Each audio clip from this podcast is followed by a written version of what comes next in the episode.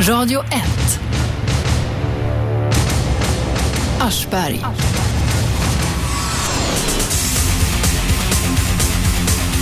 Direktörer, politiker, chefer och skojare av alla offentliga och icke-offentliga slag. Alla har numera rådgivare.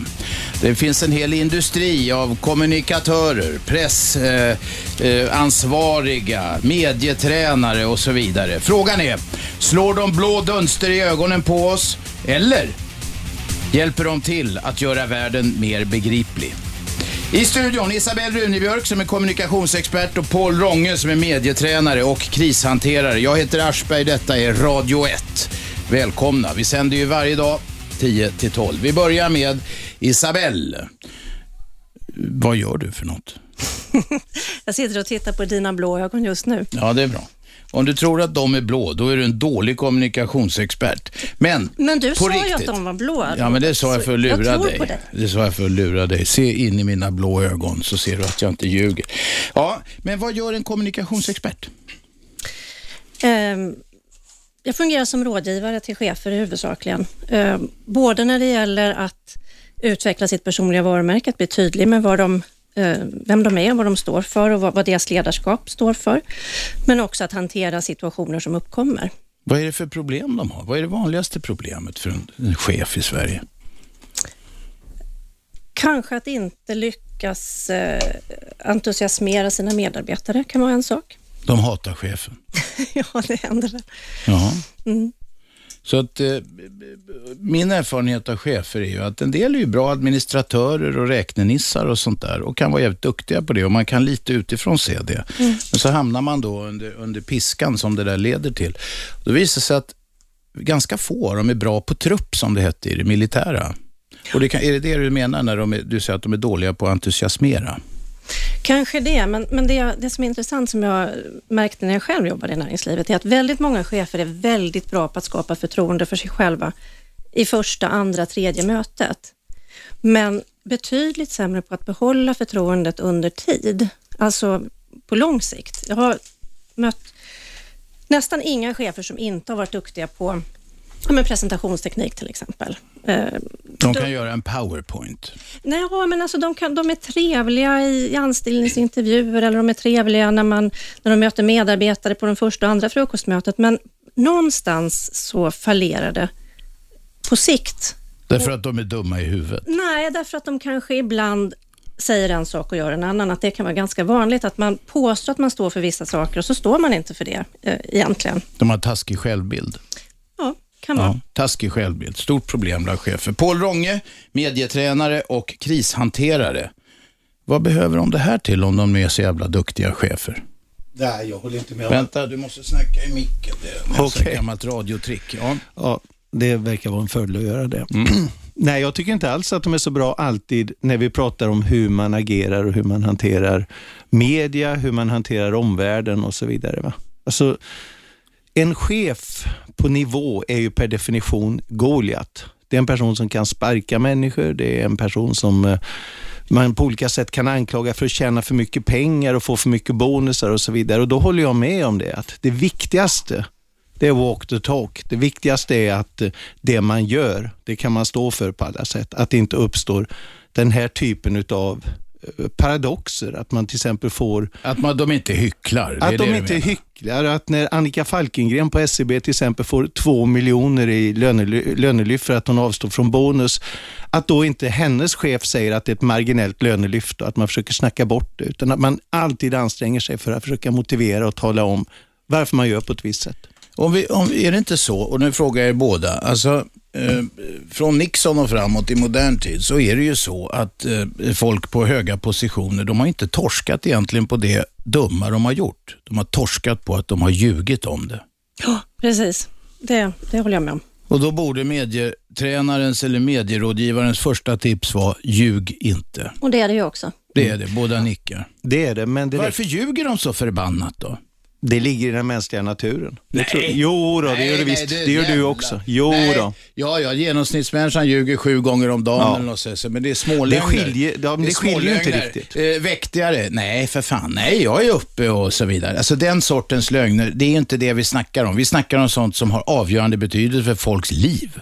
Precis, och vet du, jag tror att det har att göra med att väldigt många människor är rädda för att stå för vem de är. Och Det är det som jag också tror är eh, problemet när man är duktig på att skapa förtroende på kort sikt, men inte på lång sikt. Så tror jag det har att göra med att man i grund och botten, alltså alla, vi har ju allihopa svagheter oavsett om man är chef på Tala för dig själv.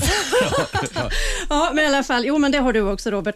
Eh, och någonstans att, att faktiskt våga ta in det i sitt personliga varumärke, att, att jag är inte perfekt eller någon ängel bara för att jag är hög chef eller politiker eller för den delen eh, mediekändis, utan jag har svagheter också och jag står för det och ibland så går jag vilse och då får jag väl stå för det också. Mm. Även solen har fläckar. Jag är ju i en bransch där det finns väldigt många som har såna här quick fixes. Man kommer med någonting och så tar man jättebra betalt och så tycker man man har löst problemet. En sån quick fix, det är pudla, be om ursäkt så löser sig allt. Det är bullshit. Det är totalt fel. Och det Fort- finns, det det finns andra då? Ska massor de med... fortsätta ljuga? Det finns massor med exempel på att det inte räcker. Det räcker inte. Om du tar till exempel Ludmilla Enqvist som bad om ursäkt för att hon hade dopat sig. Om du tar eh, alltså alla möjliga olika människor som ber om ursäkt och pudlar. Du måste ju dessutom göra någonting som visar att du har förstått och att du kommer att bete dig på ett annat sätt i framtiden. Hur Det visar det man jag- att man inte ska dopa sig något mer? Jo, Alltså, jo, ja, och, det, och det är det jag säger, det är så hopplöst. Och därför så, i hennes fall till exempel, så räcker ju inte den här quick fixen när man säger att ljug inte och lägg alla korten på bordet så löser det sig. Det, det är mycket, mycket mer komplicerat att försöka vårda ett, ett personligt varumärke än så. Ta Johan of Donner till exempel. Han har ju i grunden inte ljugit lyssnare han blev inte, förlåt, för de lyssnare som inte vet. Det var skojaren som lurade Röda Korset och Cancerfonden på en massa miljoner och levde lyxliv för det. Han ska krypa in snart. Ja, men han har ju då inte ljugit om det han har gjort. Va? När det gäller den här jeppen i New York här nu då, uh, vad heter det? IMF-chefen Strauss-Kahn. Precis. Så är det väl ganska sannolikt att någonstans så ljuger han rätt rejält för att försöka ta sig ur den här knipan med våldtäkten mot en eh, uh, hotellstäd. Eller, vet du vad jag har hört? Och det går en miljon sådana här storiesar om det. Där har jag hört från ja, en källa. Med kanske eventuellt viss insyn. Det där jävla hotellet, du kommer inte ihåg, No- var det Novotel? Det var någon fransk kedja. De eh, påstås det då är kända för att eh, ordna prostituerade till finare kunder. Och då är historien så här. Jag har ingen aning om, och nu, nu verkligen betonar jag att det här är en av säkert de hundratals rykten som går om detta, men det är en fascinerande variant. Han skulle ha bett, bett receptionen ordna en prostituerad och han tror att kvinnan som kommer för att städa är denna prostituerade. Och sen så gick det då överstyr. Ja, det där var en blindtarm, en utvikning. Ursäkta, jag avbröt medietränaren. Nej, men det var helt rätt. Du avbröt, då sitter han ju verkligen i smeten för att det där är väl svårt att i så fall erkänna efteråt. Det viktiga är ju att den här killen, han var alltså sekunder kan man säga från att bli presidentkandidat och utmana Sarkozy. Han var på höjden av sin makt, hur mycket pengar som helst, jättesnygg fru, miljoners miljoner. Och riskerar ändå allt detta genom att, jag citerar någon som kallar honom, genom att bete sig som en brunstig gorilla. Och det fascinerar hur man på sådana höjder som de du arbetar med, till exempel chefer och så vidare, kan ta så fruktansvärt stora risker för egentligen ingenting. Ja, Därför men att, där har du en Ja. poäng, Paul. För jag, jag tänker så här att när, när det väl har hänt någonting, jag är inte heller någon jättestor fan av quick fixes, men nummer ett är ju självklart att stå upp för vad man har gjort. Ja. Men poängen är ju att, att den här processen måste ju börja långt, långt innan. Man måste ju fundera på vem är jag och vad vill jag och hur, hur vill och kan jag leva? Och att leva på ett sådant sätt så att man faktiskt kan stå för det. För när det väl har hänt, ja men det är inte så mycket att göra då mer än att faktiskt låta bli att ljuga. Okej Isabelle, får jag höra budorden? Vilka budord? Man ska bestämma sig för hur man vill leva sa du. Ja, Då finns det några budord. nej. Nej. Nej, men det gör det ju inte, för det är ju, upp, det är ju upp till dig själv, hur du vill leva, vem du är, vad du står för. Nej, men ge oss något konkret exempel så till och med den här apan begriper. Det finns inga quick fixes, men jag kan ge ett exempel på fantastiska kunder som jag har, som jag verkligen gillar. De, de gör ju så att innan man tar ett beslut som kan ha stor kommersiell betydelse. Som till exempel, ska vi ta in porr nu då i några mobiler? Jag bara spånar. Därför att det är 4G och därför att det går och därför att folk vill Därför ha det. Därför att vi tjänar en massa stålar. Och för att vi tjänar en massa stålar. Då tar de in en sån som mig, eller som dig innan man tar de här besluten. Och så tänker man efter, hur fungerar det i förhållande till våra varumärken? Hur kommer detta påverka inställningen till det här företaget? Och kan då komma fram till att ah, vi låter bli de där pengarna. De är inte mm. intressanta därför att varumärket är viktigare. Det personliga varumärket för en hög chef är ju så ofta förknippat med företaget när det är harmoni. Jag tycker Kamprad och Ikea kanske ja. är ett bra exempel på det. Vi hade någon som ringde, jag försökte koppla in men medietränaren han eh, blockade det. Fortsätt ringa, eller börja ringa på 0200 11 12 13. Ja, men, ja. ja. För, för, för, annars heter man Hugh Hefner och sen så gör man, bygger man ett helt varumärke på, på porr och sex. Det, det är ju också okej, okay. det är därför jag menar, det finns ju inga quick fixes. Man, man, står ju, man är ju den man är så att säga. Historien om de här TV, kabel, kabelnäten, de har ju porr och det är ett stort skäl till, alltså de här eh, TV1000 eh, och Kanal Plus allt vad de heter, de har ju porr, en jävla massa porr som går på helgerna på nätterna. Och det där eh, visar sig om jag inte minns fel. Det är något som folk vill ha, så de kanske inte utnyttjar så mycket. Men det är skälet till att många hyr de här filmkanalerna. Det är för att de vill ha snusket. Eh, Kanal Plus, som en period ägdes av en sydafrikansk religiös eh, grupp människor, de tog bort porren och det hela affärsgrejen höll ju på att gå rakt åt helvete. Så att eh, i vissa affärer är det då nödvändigt. Men hur försvarar man det, Isabelle? Hur försvarar man porr? Nej, att man lägger ut porr, säg i det här konkreta exemplet, i ett sånt där kabelnät, för annars går affären åt helvete. Och även om 95 procent är, är andra, det är allt från familjefilmer till normala våldsfilmer och vad det nu är. Alltså jag tänker inte sitta här och moralisera över, över porr eller Jag menar inte att du ska moralisera. Vi skiter i moralen i porren. Vi, vi lämnar den diskussionen. Hur hjälper man några som ser att nu går affären åt pipan om vi fimpar porren. Vänta Paul, jag vill höra Isabelle först. Alltså för min del som rådgivare så tar inte jag kunder som står för någonting annat än det jag själv står för. Så om okay. jag hade ett företag som, om jag hade som kund en företagsledning i ett företag som faktiskt eh, sänder porr mm. på, på nätterna, eh, då skulle jag ju då skulle jag ju tycka det var okej och då fick jag ju hjälpa dem att hitta argument för det. Mm för, att det är helt okej att göra det. Nu har jag inga så väldigt, väldigt utpräglade åsikter om porr på nätterna. Det är ju en jättestor fråga naturligtvis. Jo, men vi, vi lämnar den åt sidan. Om inte det är så att du är fanatisk porrmotståndare eller något. Nej, okej. Okay. Men hur, hur, hur, alltså jag vill bara att det blir konkret så man begriper.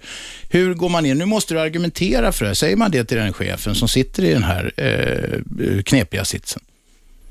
Ja, om de har gjort, de har ju rimligtvis gjort en affärsbedömning när de började sända porr. Ja. ja.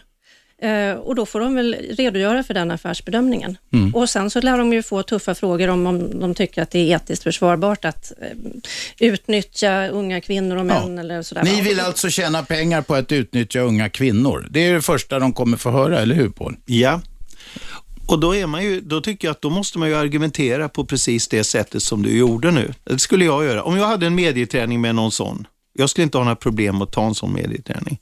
Då skulle de få förklara att det betyder så pass mycket för vår affärsverksamhet så vi kan inte låta bli det och det beror på att tillräckligt många människor vill ha det, det är lagligt och så får man lägga upp det. Mm. Sen tror jag då att man ska vara väldigt försiktig med att då försöka sälja in den här varan. Utan man får, jag, jag skulle då ställa ganska hårda frågor till dem. Jag skulle säga, okej, okay, var går gränsen?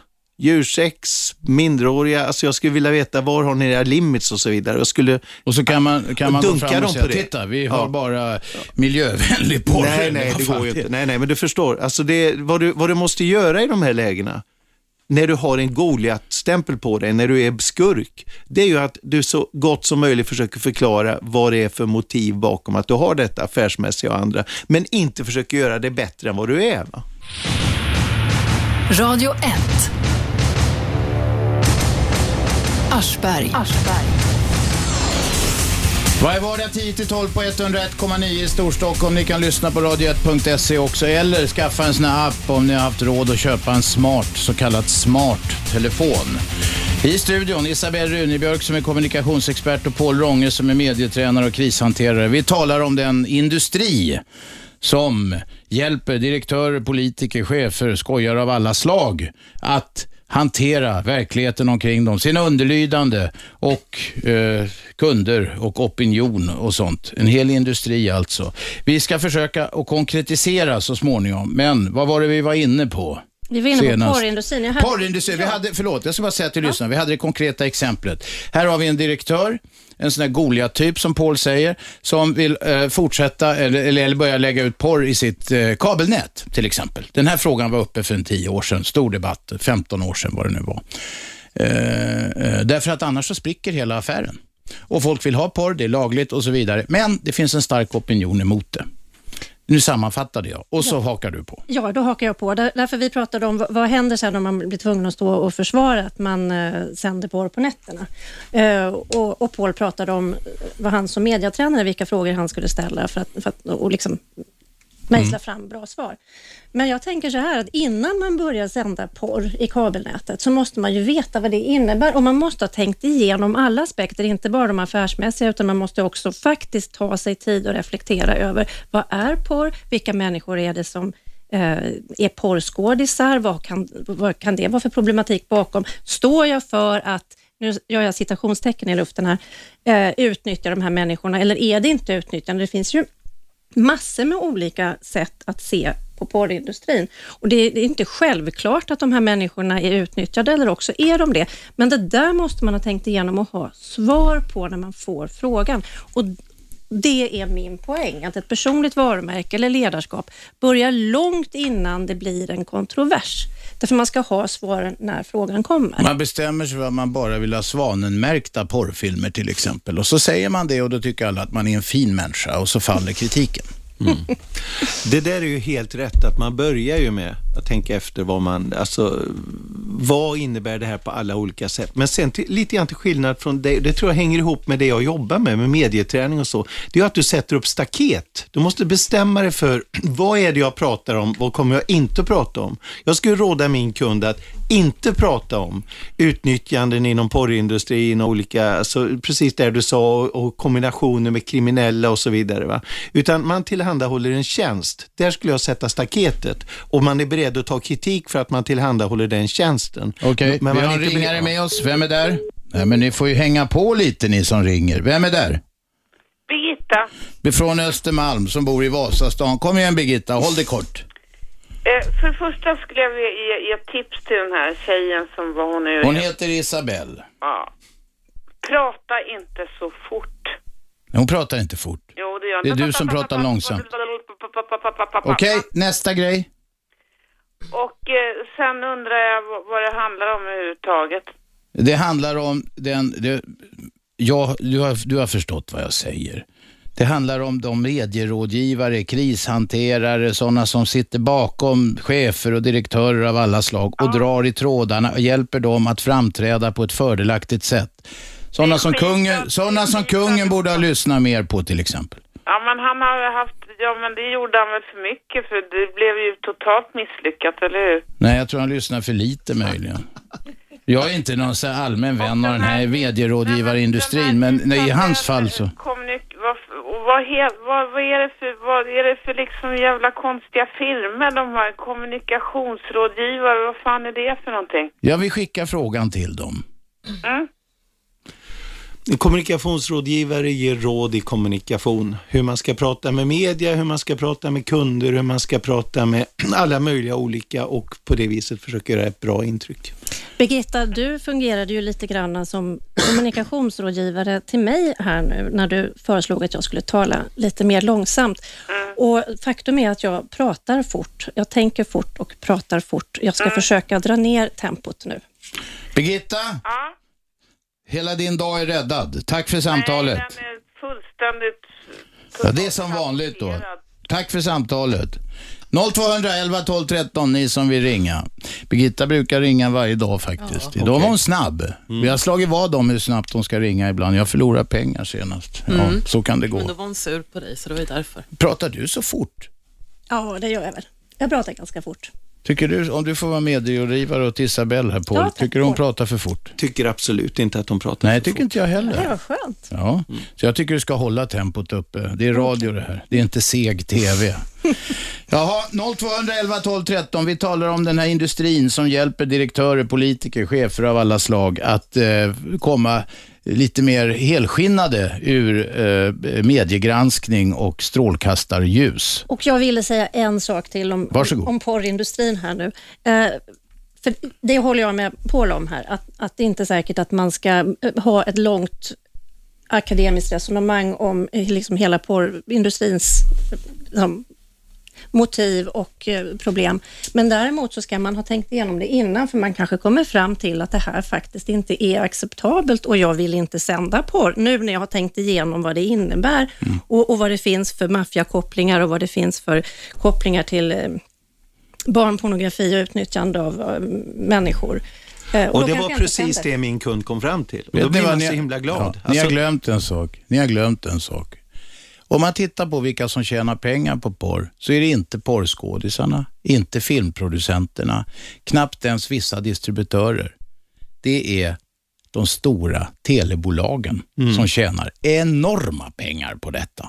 Men de som får stå med hundhuvudet, det är de som så att säga frontar det ofta. Vem är med på telefon? Tjena, Marcus heter jag. Marcus, etern är din. Tjena, eh, nu har inte jag hängt med. Jag har den där appen. Så att, Ja, det är bra. Det, den funkar bra va? ni kanske har bytt ämne. Ja, den är skitbra. Ja, men snacka på bara. Vi löser Ja. det. Eh, det här med porren då, då. Ja. Eh, Jag har bara en fråga. Finns det inget sätt att kolla så att man, man är, garan- att man är garanterad att porren är liksom... Att det inte tjejerna blir utnyttjade sådär? Men, ja, men, ja, ja det, det kanske det gör uh, i och för sig, men det finns ju en, en- en, stark opinion som menar att porr i- per se, alltså i sig, betyder utnyttjande av kvinnor och det, det var det vi snackade om. Ja, okej. Ja, bra. Då har jag koll. Radio 1. Aschberg. Varje vardag 10-12, repris 20-22 på 101,9 i Storstockholmsområdet. Ni kan också lyssna på radio1.se över hela världen. Och så kan ni lyssna via appen. Eh, det var en snubbe som ringde in nyss och hade lyssnat på den där appen. Så det funkar. Gör det. Hämta den till smart telefon om ni har haft råd att köpa en sån. Vi var inne på eh, en grej här med medieträning i pausen. Ni fick inte höra det, men då säger Paul så här, folk rakar sig, klipper sig, gör sig i ordning och allting. Varför skulle de inte medieträna? Han menar att om någon kommer orakad, han utgår från att det är en man då som blir satt. Vanligtvis är det det som blir satt eh, i mediaelden så att säga. Eh, raka, orakad i morgonrock och ser allmänt lite sjabbig ut. Och då, då, då, då förstår jag, varför skulle de inte kunna göra det? Ja, men alltså, det är ju, det är ju vissa total brist på respekt för de som du ska försöka nå på olika vis. Men det är samma sak om man då sätter sig helt oförberedd i något mediesammanhang och inte har tänkt över sina budskap och inte tänkt efter vad det är för något man vill säga. Det, det menar jag, det är fullständigt förkastligt för alla som har någon typ av eh, position att göra det. Men det går ju, ofta går det ju ut på att mörka grejer och då måste ju en avledande manöver som den, att komma orakad till exempel, göra att folk lyssnar inte på vad, vad den här objektet säger då, utan de tittar bara på skägget och då kommer man ju undan på det. Ja, då, men då kanske ingen kommer att lyssna någon gång i framtiden heller, alltså om man gör ett sånt fullständigt fiasko. Men det handlar ju om att ducka ibland för, för en storm, så låta den bara rida, rida över. Jo, men alltså min inställning är den att varje gång som du säger inga kommentarer, som du duckar, så ska du ha argument för att du duckar. Har du inte de argumenten så kommer det gå dåligt. Och hur låter ett argument här? Här har jag gjort något jävla dumt. Det är uppenbart. Min, eh, mitt dotterföretag, eh, nu är jag någon stor jävla direktör, mitt dotterföretag har förgiftat en by i Indien säger vi. Mm. Hur duckar jag för det? För det första så gäller det ju, hur mycket visste du om det? Visste du om det överhuvudtaget? Är det kanske så att det är duktiga journalister, för så har det varit nu i verkligheten de senaste åren, som tar fram de grejerna. Då kan du tacka journalisterna och säga, vi är väldigt glada över att ni har kunnat visa de här missförhållandena. Det här är helt emot mot den policy vi har. Vi kommer omgående gå in och se till så att de lägger av med det där, annars så säger vi upp Och kontraktet. hur ersätter ni familjerna, de drabbade familjerna? Nu är jag journalist ja, alltså vilka då? Drabbade familjerna av att man har gjort fel? Ja, men det vi snackar om Alltså, att förgifta en by, ja, sa jag. Då säger man ju att de, den diskussionen för man ju med de, med de familjerna. De för man inte via media. Och det gör man aldrig. Familjerna för vi inte Ja, i media. Ja. Den här diskussionen för vi inte i media. Den vinner jag varenda gång. Alltså Ja. det är klart att jag gör. Därför att vem vill förhandla över media? Vem vill att Robban Aschberg ska vara vad heter det, bron och länken emellan en själv och, och Vänta, som gammal, familjer? som gammal kvällstidningsmurvel så vet ju du att det går att förhandla via media på en massa olika sätt. Det förhandlas dagligen via media. Mm. Därför att sådana som du och Isabelle, jag vet inte om du jobbar så, läcker vissa saker till vissa medier och så för att det ska styra och ställa. Det är inte bara att ni ger råd till de här direktörerna, utan ni jobbar ju på en massa olika plan, eller hur? jag kan säga så här, har man förgiftat en hel by i Indien så är väl inte det största problemet för journalisterna hemma i Sverige tycker och tänker. Då handlar det väl om att åka ner dit och se till att man eh, reparerar allt vad man kan och gott göra. Som, man kan inte sitta och fundera på hur man verkar i media. Men den här direktören, direktören har ett stort problem. Inte inte bara för nästkommande, för Indien. Q3 eller vad det kan vara, nämligen kvartalsekonomin. Utan han har, eller hon, har aktieägare som kräver vinst, trots den här lilla incidenten. Ja, då får han väl skita i sina aktieägare i det fallet. Då får han dojan på nästa årsstämma. Alltså, vi har ju ett jättestort exempel så, eh, eh, inte- som är väldigt näraliggande i tiden med mexikanska golfen och BP. Alltså, Ja. Det är ju helt enkelt så att för att rädda det varumärket så var det ju helt nödvändigt att bygga upp alltså i stort sett miljardfonder för hur man skulle kunna hjälpa de här utsatta. Det är precis det du pratar om. Det är precis detta, att inse att det är inte spelet som är det viktiga. Det är inte hur man lyser och glänser som är det viktiga, utan det är att du gör rätt. Gör du rätt så får du rätt. Du måste börja med, du kan inte lägga makeup på ett smutsigt ansikte. Du måste börja med att tvätta fejan, sen kan du lägga på makeup. Alltså. Det här är så, han är ute och säljer det här. Ja. Du är ute och säljer det här Ja, det är till en klart massa jag är. Vad ska annars direktörer för? med dålig självkänsla. Ring oss och fråga om mediehantering och krishantering och kommunikation. Vi måste se, ni som läser tidningarna varje dag, ni måste försöka se bakgrunden. Alla de här direktörerna och allting, de har hjälp av professionella medierådgivare och krishanterare. Ring oss på 0200 och ställ frågor till Isabelle Runebjörk och Paul Ronge. Det är de som är en del av den industrin som eh, håller de här direktörerna om ryggen. Vem är med på telefon? Det var Per här. Per, kom igen. Ja. Eh, jag undrar f- följande. Hur långt eh, är man beredd att gå som sån här rådgivare då eh, när man märker att eh, vederbörande chef eller vad det nu är han är eh, inte har så mycket rent mjöl i påsen då? Men jag menar nu, han får, man får ju alltså uppenbarligen skapligt betalt och eh, Ja, då om man då så att säga märker då att eh, jaha, den här killen han har det och det och det i bagaget liksom. Det här kan vi nog fixa. Om man tycker själv alltså, det är en sjuk sak som jag ska hjälpa till att försvara. Ja, vad säger ni? Ja. Gästerna. Det måste ju vara helt och hållet upp till den enskilda rådgivaren. Personligen skulle jag backa ur direkt eh, om jag upptäcker att den personen som jag arbetar med står för någonting annat än vad jag själv står för. Hur många kunder har du fimpat på grund av det? Jag brukar inte fimpa, jag har faktiskt aldrig fimpat någon som jag redan har, för jag brukar vara väldigt noga med att ta reda på vem det är jag ska eh, coacha och ge råd till. Innan Och- du tar och jobbet. I den processen har jag väl fimpat många. Paul? Ja, jag har väl fimpat ett par, tre som jag inte vill gå in på, men det är oftast så Du kan, han- inte vänta, du kan ta dem i allmänna ordalag. Ja, jag kan säga så här, det allmänna ordalaget, det viktigaste är ju att de, de inte gör som man säger. Det viktigaste är att de tycker att man ger dåliga råd och då efter ett tag så kommer det uppstå någon sorts förtroendekris, någon sorts förtroendeklyfta som gör att det inte går att jobba. Jag tycker man kan se sådana som oss lite grann, ungefär som vi är som försvarsadvokater. Alla har rätt till försvarsadvokat, även som du säger Robban, de som har betett sig jävligt illa. Men de som har betett sig illa, då måste man alltså gå igenom och se, finns det några bevekelsegrunder? Varför har ni gjort som ni har gjort? Går det att liksom säga att göra en riktig avbön, att det här var helt åt pipan, det här gjorde vi på helt fel sätt? Och viktigast av allt, går det att göra någonting för att rätta, rätta till det framåt? Tar du en sån som Johan of Donner till exempel. det så var har han ju- som blåste Röda som blåste. Röda Korset. Så har han ju sagt att han ska betala tillbaka pengarna. Om han gör det och betalar tillbaka pengarna, då har han ju ändå gjort något jämfört med de här som, som har blivit blåsta. Om du tar livet av någon, då kan du aldrig ge den människan tillbaka livet. Så tänker man ju som rådgivare som jag är. Finns det någonting du kan göra för att förbättra situationen? Och som du sa med, de här, med den här indiska byn, det absolut viktigaste är, vad gör du för den här familjen? Eller mexikanska golfen, vad gör du för att fiskarna och turistnäringen ska kunna leva igen? Per, är du nöjd med svaren?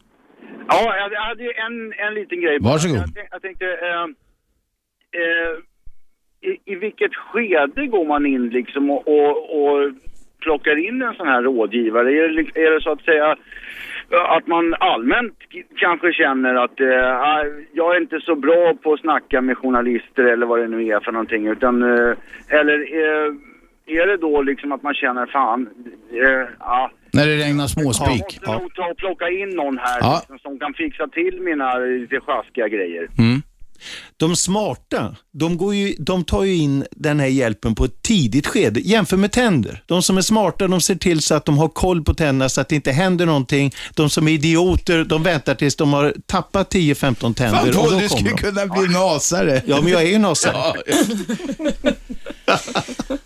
Jag kan säga så här också, de som, jag tror att det, det beror på vilken typ eh, av media, eller vill säga kommunikationsrådgivare man söker, för alla olika kommunikationsrådgivare har olika eh, expertområden. För min del handlar det ofta om att jag blir anlitad när en person vill ta nästa steg. Har tänkt sig, jag är mellanchef, jag vill bli VD till exempel, och då att, att um, helt enkelt utveckla sin kommunikativa kompetens inför det, den utmaningen ja, Per, vad säger du? Blev du klokare? Ja, för tusan gubbar. Det, Eller du gick på allt det de sa? Nej, men jag tänker bara på liksom då, om man säger i det allmänna arbetslivet liksom. Hur, för jag menar, jag tycker nog att det är må- många chefer skulle baske mig vet, behöva en stor portion liksom träning i att hantera personal liksom. Och ett kokstryk. Ja, Ja. dessutom. Ja. Som, bo, som lök på laxen. ja. Bra, Per, är vi nöjda? Jajamän. Tack för samtalet. 0211 12 13. Ja, vilka är de svåraste fallen ni har haft, Isabelle? Du behöver inte vara konkret här, för det är säkert känsligt med kunder och skit, men det svåraste fallet, i allmänna termer, om du så vill. Oj, jag, jag behöver tänka lite Okej. där, för det spontant, det dyker inte upp ett enda särskilt jättesvårt. Alla var det jättelätta. Nej, men alltså det är, ju- det är ju alltid ett arbete, det är ju alltid en process, men jag Mm. har aldrig råkat ut för någonting där jag liksom, någon form av kris eller katastrof i en, i en coachningsprocess. Okej. Vem är med på telefon? Ja, det var Ylva här. Ylva, kom igen. Ja. Eh, ni diskuterar det här med kommunikationsrådgivning. Ja, själv har jag varit i affärslivet och jobbat som kommunikationskonsult i 30 år ungefär Okej tidigare. Och eh, jag har väl bara en slutsats. Det är väl att gör man ärliga affärer så är det inget problem med kommunikationen. Eh, så det, eh, det handlar inte så mycket om att kommunicera bara utan att eh, det handlar ju om vad är det för affärsverksamhet man håller på med. Så du menar att de som anlitar, om jag vänder, eller skruvar resonemanget lite grann, de som anlitar medierådgivare och krishanterare, de har icke rent mjöl i påsen som någon tidigare ringare sa? De kan ha något, någon form av... Ingen rök utan eld, eller vad menar du? Nej, någonting, det är självklart, det finns så mycket oärliga eh, affärsfolk i världen överhuvudtaget i dagens värld. Ja, det gör Så det. att eh, det är inte så ofta man hittar eh, företag som är, har allt mjöl rent i påsen. Eh, mitt eget mål är att realisera mitt ärvda kapital till en affärsdrivande verksamhet, vilket jag inte har idag. Eh, med allt som där tillhörer och tillhöras kan. Och efter har- HQ och så här så är du rädd att gå till någon sån här privatbank och låta dem fixa så pengarna växer. Nej, men det handlar snarare om att få folk att betala för sånt som de nyttjar gratis idag. Men snackar du om någon affärsidé du har här? Eller? Ja, oh ja, jag har jobbat Ja. länge med affärsidéer alltså. Ja, ja. För hur jag ska få... Du får gå till de här dra drakarna eller vad det heter. Nej, du hade ärvda pengar sa du. Jag är kapitalist snarare, som har pengar då, eftersom jag Ja. har kapital. Ja. Men det får du söka på annat håll, Ylva. Ja. Bra, tack för samtalet. Vem är med oss? Ja, hej. Hej Va- Robert. Vad heter du? Jag heter Robert också. Robert, trevligt. Ja, Robert, varsågod. Ja, jag hade en liten fråga till de här medierådgivarna angående, ni pratar om katastrofer. Ehm, Just kring tsunami-katastrofen och Estonia-katastrofen. Jag tänkte just om det finns någonting svenskt i krishantering som man ska hitta en, en syndabock. Om de, kunde, om de här kunde ge någon slags analys på det jag undrar i många år. Ja, Det var min ja. fråga. Ja. Jag tackar för att jag fick ringa in. Nej, men vänta, häng, kvar, häng kvar lite. Du kanske har Jag måste följdfrågor. fortsätta jobba. Ja, ja, okej, men det var en bra fråga. Tack för samtalet. Paul? Jättesmart fråga. Och det är verkligen så att det, det är inte bara Sverige. Titta då på USA och Mexikanska golfen och det som händer där. Va? Det, titta på Frankrike där det hela tiden är så att man försöker hitta syndabockar på allt möjligt. Det här är överallt, så fort det händer någonting, så fort det händer någon riktig kris så försöker man se vem bär ansvaret. Man försöker hitta Goliat. Det är framförallt en medielogik i detta. Ja, är det något fel på det? Nej, det är logik, va? Men, det, men det kan också slå rätt orättvist. Va? Laila Freivalds påstås ju att hon gick på teater medan människor dog i tsunamin. Alltså hon, hon gick på någonting som förståndshandikappade gjorde som hon, hon i släkten hade så att säga, lovat att hon skulle gå på. Den sortens nyanser kommer aldrig fram i media. Nej. Vad säger Isabel?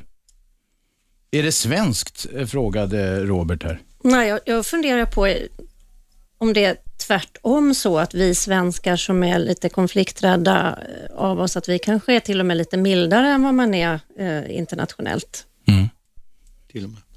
Ja, så, så, att, så att de, eh, vad heter det, pampar, om uttrycket tillåts, som i andra länder, de blir ännu hårdare utsatta. Men är det något, fe- det, är alltså, Paul, det är inget fel att, det är inget fel i sig, du kan säga att det är en medielogik, men det är väl inget fel att hitta syndabockar. Om ett stort skepp går ner och en jävla massa människor dör, vill man ju veta, hur i helvete kunde det här hända? Ja, och då måste du ju då, det är som du säger, och då måste du alltså när du har den situationen som jag har, försöka hjälpa till i en krishantering där du börjar med att analysera vad är det som har hänt utan skygglappar och utan att tänka direkt, nu måste jag försöka bevisa att det här inte är mitt fel. Så väldigt mycket av krishantering börjar med att man helt enkelt bara kollar. Alltså, vad är det som har hänt? Har du, är det till exempel glas i kyckling som var för några år sedan, då är det inte frågan om det var inte vårt fel. Man börjar inte där, utan man börjar, okej det här finns, hur kan detta skada våra kunder? Vad kan vi göra för att ingen ska kunna skadas? Och så kommer man på att vi bränner hela rasket och plötsligt har man Och ingen en kris att jävla hantera. massa pengar. Och man bränner kanske för en 100, alltså för kanske 60 till 100 miljoner eh, fågel, men man har ett helt oanfrätt varumärke och man tjänar snart in de pengarna. Gör rätt och du får rätt. Okej. Då, då blir sådana som jag arbetslösa. Ja, vilken härlig värld, vilket paradis.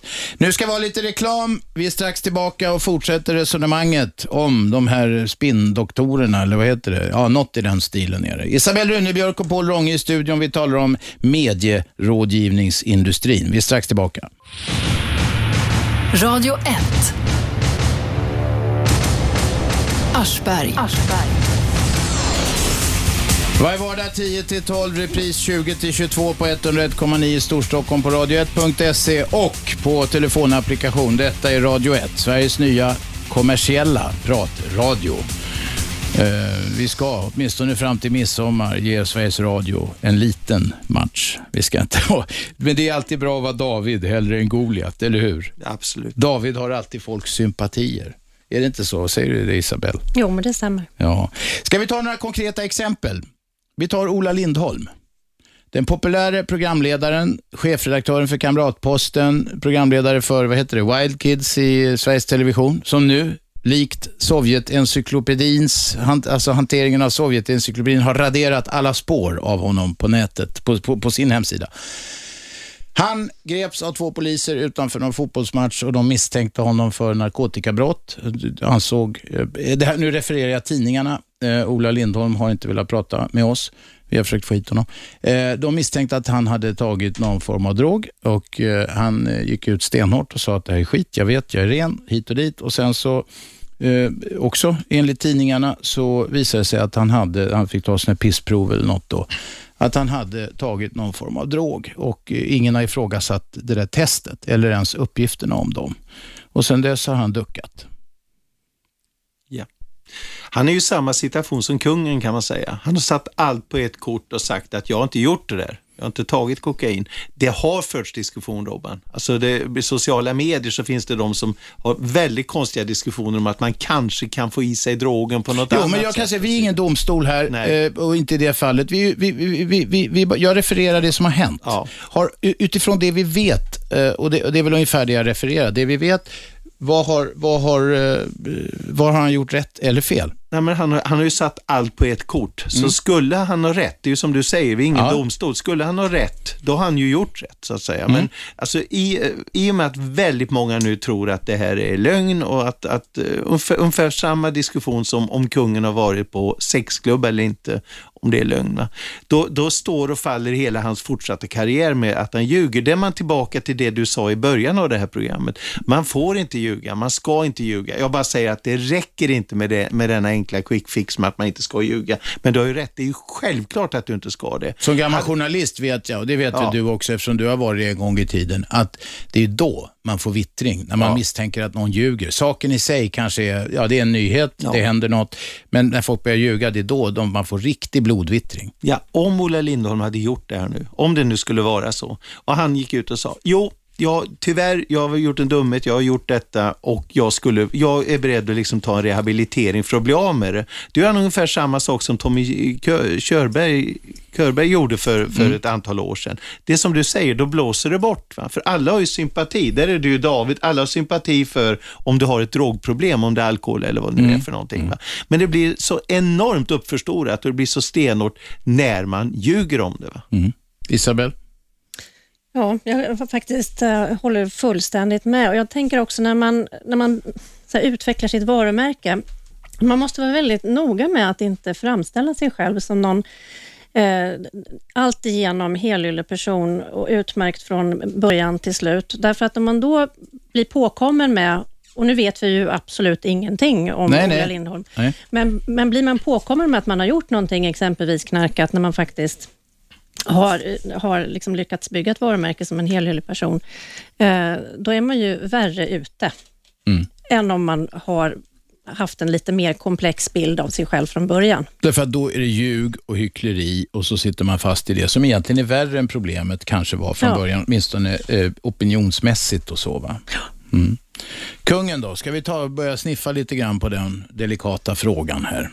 Jag har en, en eh, lite rolig, inte historia kanske, men kungen hade ju för några år sedan ett eh, personligt varumärke som liksom låg i golvnivå. Eh, och när jag, jag skrev en bok om personliga varumärken som kom ut 2004 i november och i samband med det så hade vi releaseparty och på releasepartyt var det några hundra personer som fick gå in på min webbplats och rösta på eh, vem som hade Sveriges starkaste personliga varumärke. Och de fick 20 personer från olika branscher att välja mellan. Eh, kungen hamnade absolut längst ner. Han hade inga röster alls. Sen några månader senare så inträffade eh, tsunamikatastrofen. Kungen gick ut och visade och, och talade och både visade medkänsla och också pratade om sin egen svaghet. Jag gick in och kollade på webbplatsen då, hur, hur ligger han till nu i, i den här omröstningen. Massor med folk hade varit inne och röstat och han låg överst med gigantisk marginal. Ja. Eh, därför att han hade visat att han är en, en äkta levande människa eh, som också ser sina svagheter och som kan sträcka ut en hand eh, till andra. Nu ser jag att du har en... Ja, vi har en ringare med. Ja, hej. Historie-Lennart. Ja. Hej. Jag tycker det är oerhört intressant att höra konsulterna här. Och eh, det här ligger ju så mycket i tiden, va? vad man föreställer och eh, vad, man har, vad man lever i för, för egen föreställningsvärld så att säga. Och sitt anseende.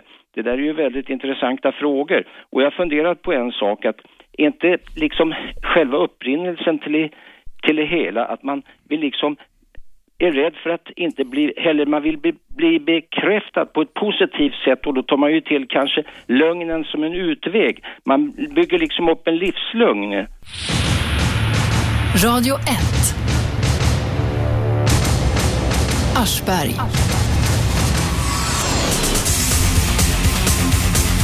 Ja, det är jag det och vi sänder på 101,9 varje vardag 10-12, repris 20-22. Lyssna också på radio1.se eller via telefonapplikation.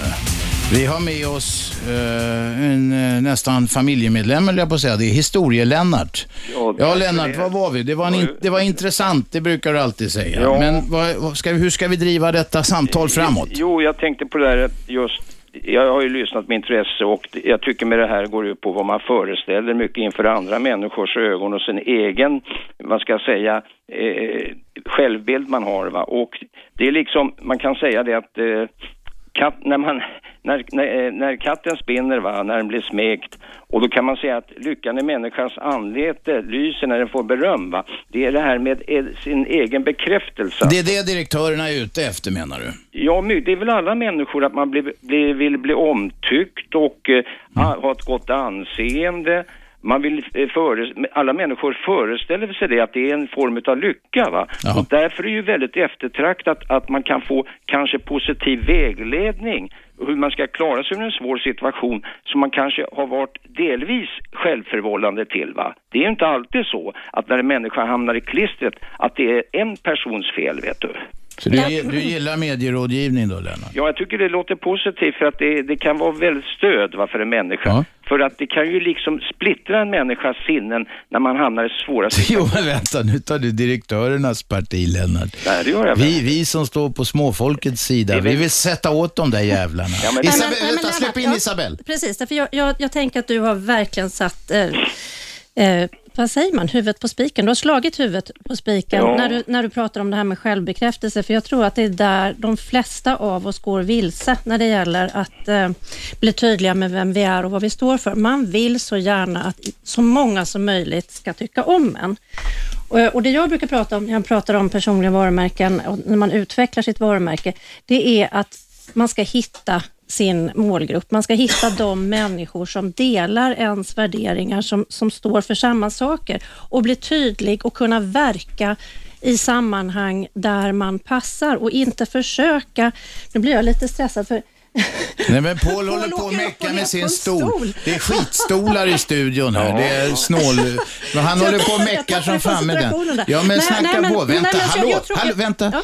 Du som medierådgivare ska ju ha jättehög stresströskel. Om någon meckar med en stol ska inte du komma av dig. Fast vet du Robert, jag är ju inte medierådgivare. Nej, du är kommunikationsexpert. Ja. Ja, okej. Ja, eh, men vad jag skulle säga var att, att jag tror att det här är den största risken för alla människor som, som eh, jobbar med sitt personliga varumärke eller som inte gör det, som bara helt enkelt är personer som, som syns och märks i, i olika offentliga sammanhang, oavsett om man är chef eller om man är någon form av mediepersonlighet. Att man vill att, som, att alla ska tycka om en och när, när man då är ute i blåsväder eller när man gör någonting som, som eh, inte är så populärt, då ljuger man om det. Ja, jag tycker väl också att det- här gäller ju inte bara direktörer eller eliten eller översta skiktet utan det gäller ju även gemene människa, gemene man så att säga och kvinna va. Men de har inte råd med medierådgivare eller kommunikationsexperter. Då kan man ju säga så här att de som är ogemena då, det är de som är lyckliga då. Men jag menar alla människor har ju lite problem med tillvaron med sitt livspussel va.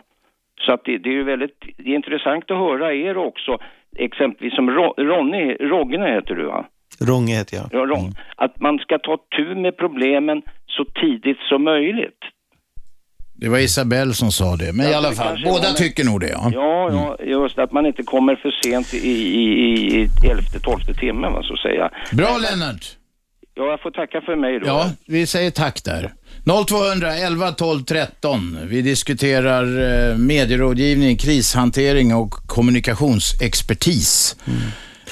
Det, fin- det finns ju tre exempel direkt på det. Det var väldigt klokt. Kloka synpunkter tycker jag överhuvudtaget. Ja, han, han bara, höll bara med. Ja, nej, då, men just därför Just så därför, tycker jag att... ja, Ja, precis. tycker jag så fick ni er självbekräftelse. Ja. Men vi kan ta tre exempel. Vi kan ta Refat El Sayed med sin doktorshatt. Helt onödigt. Han behövde inte den där doktorshatten och den fällde honom. Han sa att han behövde det, för i Sverige är du, du kommer som en sketen invandrare. Du är ingen om du inte har något att hänga upp det på. Det finns en massa svenskar som ljuger om sina akademiska meriter, eller massa. Jag, jag vet själv, har sett genom historien Mm. flera exempel, som ljuger om sina akademiska meriter i sådana här forum som Vem är det och sånt där till exempel. Men det här var ju en bortförklaring. För den var ju naturligtvis så. Vi vet ju vilken ställning som Refat Esaid hade i sitt personliga varumärke. Han var ju invandraren som du säger, Ja, ja. som kom fram och som var framgångsrik och så vidare. Jag hävdar fortfarande att han behövde inte den där doktorshatten. Littorin behövde inte det där fina betyget som man kunde köpa från universitet eller vad för någonting. Helt onödigt. Va? Och Kamprad hade inte behövt, och det tror jag att han självkritiskt inser idag, eh, göra sig riktigt så mycket till bara den här snåla, dyslektiska, eh, alkoholiserade gubben från Småland som han försökte göra sig till på olika sätt. Han gick lite för långt. Va? Och det tror jag hänger ihop med de här bekräftelsebehoven. De, är, de är jättefarliga. Man, man bygger sitt varumärke och man gör det ovidkommande. Om man bygger det så blir det en paradox. Tiger Woods byggde ju ett varumärke som totalt genompräktig och det gjorde ju att alla hans förbindelser slog så mycket hårdare på honom än de skulle ha gjort annars. Därför att då var han hycklare Just. och då framstod han som en lögnare. Yes. Och det är det de torskar på. Jag sitter och tänker på Birgitta Olsson, folkpartistisk eh, minister och politiker. Eh, Hon har sagt en gång så klokt att om man ska kunna bli riktigt älskad i vissa sammanhang måste man också kunna acceptera att bli riktigt hatad i andra sammanhang. Ja, vi är inte i branschen för att få polare, brukar Nej. jag säga till mina medarbetare. Därför att om man gör det, inte minst inom medierna, så drivs jävligt många inte av att göra något som lyssnare eller tittare eller läsare uppskattar. Utan de vill sitta och vara fina inför sina kollegor och tävla och sitta på middagar och bara såna, de är, Många är helt perversa. De, sitter, de har inga andra intressen än jobbet och vill mäta sig med andra och sådär. Och det är sjukt. Då tappar de verklighetsförankringen. Men jag tänker också, vi pratade förut om skillnaden mellan Sverige och, och utlandet och jag, jag tror att om vi skiljer ut oss på något sätt här så är det att vi är så konflikträdda. Eh, och jag tänker att de som, exempelvis du själv då, Robert, eh, man, man, man bygger ett starkt varumärke när man faktiskt vågar ta konflikten, när man vågar att folk inte gillar en eller tycker att man är en tönt eller dum i huvudet. Därför att då, då vågar man också vara tydlig och då kommer man att bli älskad och uppskattad i andra sammanhang. Så att man ska inte vara alla till lags. Nej, precis. Den som försöker vara alla till lags blir inte riktig vän med någon. Nej, precis. Fan, det är vilken visdom här. Ja, eller hur? Som strålar ut eller flyter ut, flyter ut i etern. Ring oss! Ni kan få fråga medierådgivarna hur ni skulle bete er, hur ni ska bete er i en taskig situation. Ring 0200 11 12 13. Det är Isabel Runebjörk som är kommunikationsexpert som sitter här i studion och Paul Ronge som är medietränare och krishanterare. Ja, kungen. Du hade något mer om kungen sa du i pausen Isabel. Jo, för då tänkte jag så här att, att eh, nu har det gått några år eh, sedan dess och de flesta har glömt bort eh, hans eh, tsunamital och nu är han i blåsväder igen och hans förtroendekapital är lägre än på länge. Lägre än någonsin tror jag Ja, till och med. precis. Lägre än någonsin. Och då tänker jag att nu skulle man ju verkligen vilja att han klev fram och var människa igen och kunde... Det är precis som med, med Ola där, vi vet ju faktiskt inte vad som har hänt och inte hänt. Men det känns ju som att han faktiskt inte är helt öppen och helt uppriktig. Mm. Vä- vänta, Paul. Vem är med på telefon? Ja, tjena Lasse heter jag. Hej. Varsågod. Jo, jag skulle vilja fråga dina gäster på plats där, äh, just det här med ja, den omtalade kungen nu då Ja. och hans bekymmer han har hamnat i. Alltså jag undrar, och många med mig, vad har han för uppbackning av rådgivare? Jag antar att det är sådana som jobbar kanske likt det som ni jobbar med. Och i så fall, eh, har de skaffat sin utbildning på Buttricks eller något liknande? För det verkar inte funka superbra om de han rådfrågar. Och Du, är, frågar han någon överhuvudtaget? Vi slänger fram frågan, men vi- jag fimpar dig därför att det brusar sig in i helvete. Ja, men Men vi, frågan var läsbar. Vi eh, tar den eh, och går vidare. Fortsätt ringa 0200 11 12 13. Eh, har kungens rådgivare fått sin utbildning på Buttricks? Buttricks, om någon lyssnar eh, som inte vet vad Buttricks är, det är en sån här affär som säljer skämtartiklar. Jag köpte, köpte själv pruttkuddar där på 60-talet. Ja, jag vet ju mer om det här än vad jag skulle veta om egentligen. Men alltså, jag kan ju säga, för jag vet det, att han har rådgivare, har haft rådgivare som är riktigt bra, men som han inte lyssnar på. Så att det handlar ju också om om man inte lyssnar på de rådgivare man har. Alltså rådgivare som i andra sammanhang fungerar. Jag håller inte alls med dig när det gäller att han skulle komma fram och vara mänsklig nu. Jag tycker att det absolut största misstaget som kungen gjorde, det var att han gav sig in i den där älgjakten, började prata om att vända blad, sen, sen öppnas Pandoras ask och ut flyger Camilla Henemark och ut flyger olika vittnen och plötsligt har vi en väldig diskussion om kungens sexliv, om man har tittat på lesbisk sex och så vidare som är, fullst, som är fullständigt katastrofal för monarkin överhuvudtaget, om man nu vill ha någon monarki. Va? Och Det betyder ju alltså att allt han gör när han går ut och gör olika utspel har ju bara förvärrat situationen. Han skulle inte ha sagt ett ord. Va? Och Det hade varit mitt råd som medietränare. Jag hade hoppat av om jag hade haft eh, eh, jobbet att, att försöka coacha honom och han hade gjort sådana fatala framträdanden som han gjort. Alltså. Paul, jag backar bandet. Jag citerar dig vad du sa för en mycket liten stund sedan i inledningen av ditt senaste anförande. Jag vet mer om det här än jag borde göra. Mm. Delge oss. Nej, det tänker jag inte göra. Men jag vet, Vad är det du vet? Jo, men alltså jag vet att det är inte rådgivare som är eh, utbildade på Buttericks, för det var ju det som var den direkta frågan. Jag vet, Bertil Ternet heter den nuvarande Han är- rådgivaren. Han kommer från eh, SAS och har jobbat på Försvarsmakten och sånt tidigare. Mm, jag pratar inte om honom, för han är ju, alltså, han är ju så att säga en anställd kommunikations och informationschef, utan jag pratar om annan eventuell rådgivning som har varit. Alltså, så att det är ju inte så... Ah, Du känner till, vänta då, du känner till rådgivning som kungen har haft som du anser var katastrofal?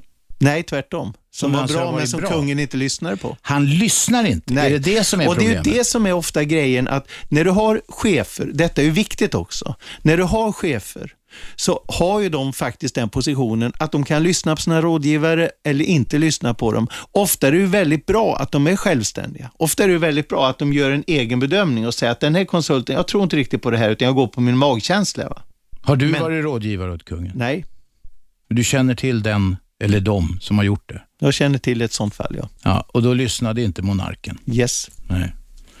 Okej, ja. Eh, Ja, jag tänker så här, att det var ju inte det faktum att han pratade om att vända blad och att han var ute på någon älgjakt och mötte media som, som, som har släppt ut allt det här ur Pandoras box, utan det är ju faktiskt den här boken.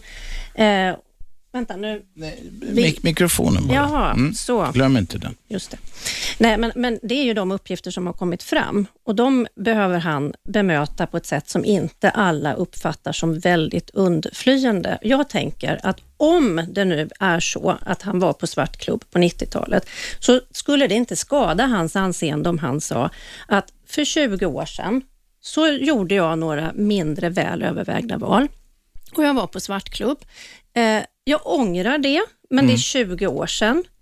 Eh, och, eh, ja, och, så, och, och, och, och tala lite kring, kring det. Och då skulle det För blås- det, är ju blåsa ingen, över Det är ju ingen stor Ja, fråga men det det- här, men det som blir en stor fråga, det är när människor upplever att, den, att, att vår statschef antingen ljuger eller bara är allmänt undflyende, om det nu är så att han är det, vilket vi inte vet. Vem är med på telefon? Magnus, taxichaffis. Varsågod, du kan vara en trevlig kille för det. Ja, precis. Eh, nej, det här med kungen, alltså, jag tycker ju att eh, de försöker skriva en jävla massa böcker. Och det, det är väl, eh, man måste också kunna ta det med en nypa salt vad det är. Gör inte folk det i allmänhet? Det är inte bara pressen som skriver upp det. Ja, de, att pressen skriver så mycket om det beror på en enkel sanning. Det är att det säljer mycket tidningar och det betyder i sin tur att folk är intresserade av att läsa om det. Så är det ju. Sen, sen skulle ju han behövt en jävla massa mediaträning, men det var ju för eh, många, många år sedan som han behövde det. Ska man vara riktigt eh, jobbigt ärlig och uppriktig så kan jag säga det, alltså att vissa människor har ju ett bollsinne, så du kan ta både Barsas och Manchester Uniteds tränare och sätta dem alltså på läger i 8-10 veckor och de kommer fortfarande inte kunna jonglera mer än fyra gånger med bollen. Va? Och det gäller kungen. Alltså faktiskt, han har inte, be- alltså, och det, det är inte heller någonting som man måste, ska mobba honom för eller vara taskig. Han har ett, en, en dyslexi och han är ingen talare. Det har ställt till det i den här situationen. Men jag tycker att han skulle satt ett staket. Han skulle sagt, jag diskuterar inte privatlivet. Det var hur mycket diskussion som helst om Gustav V. Han pratar ju aldrig om liksom vad han hade gjort och så vidare. Nej. Nej. Å andra sidan gjorde andra det. Vi, hade, vi gjorde ett program här för någon vecka sedan om just Haijby-affären. Mm.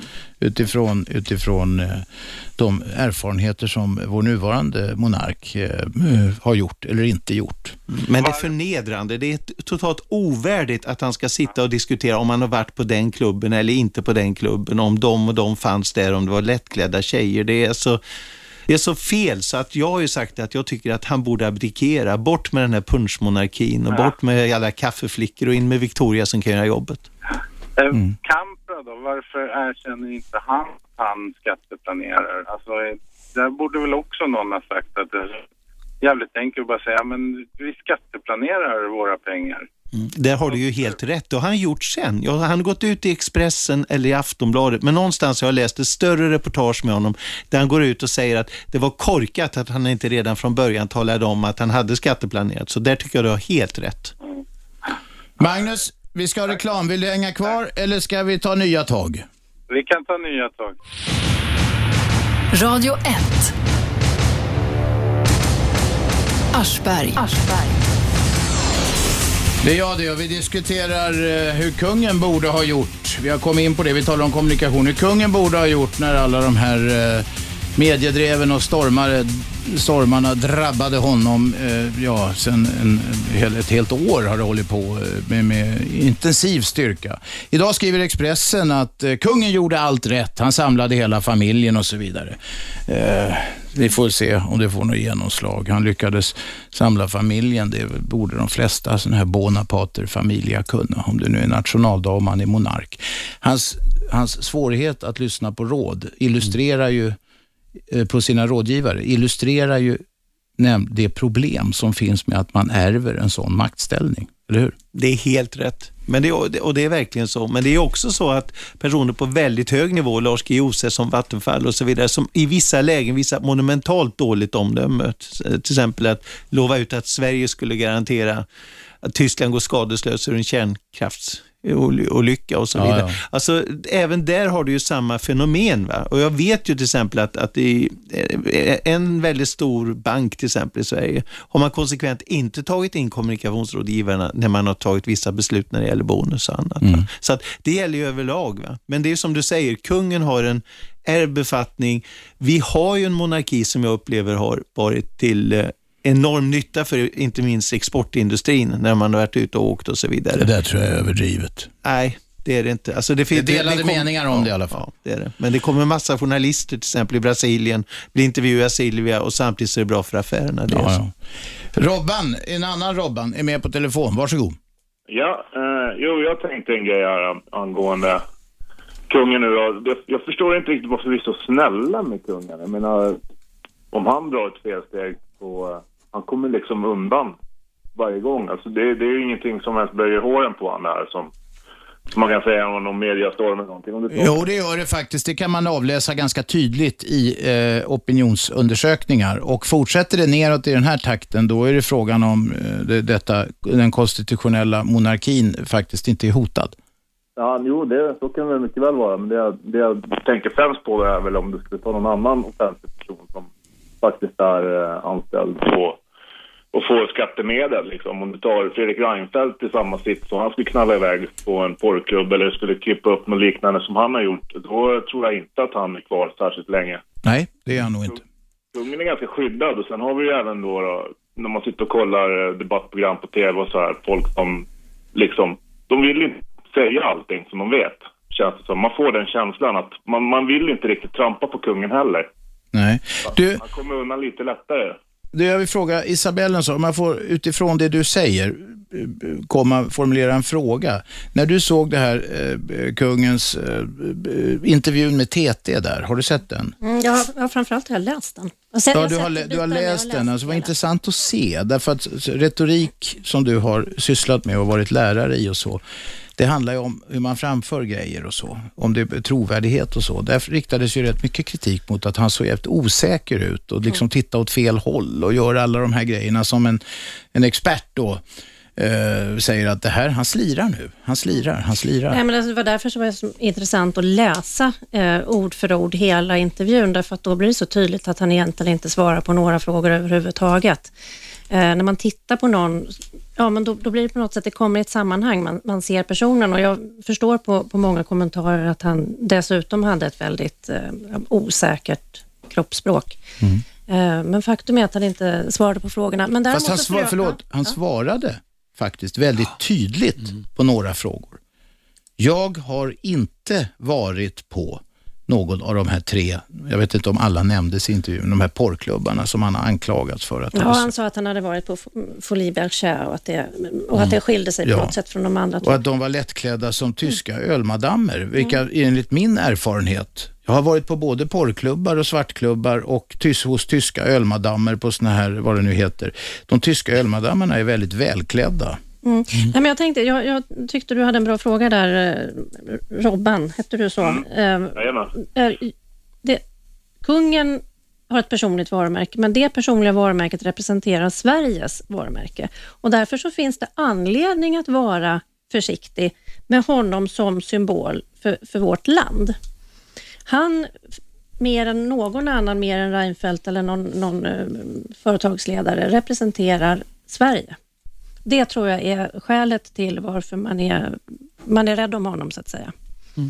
Ja, då, då kanske vi ska ha någon som är bättre på jobbet.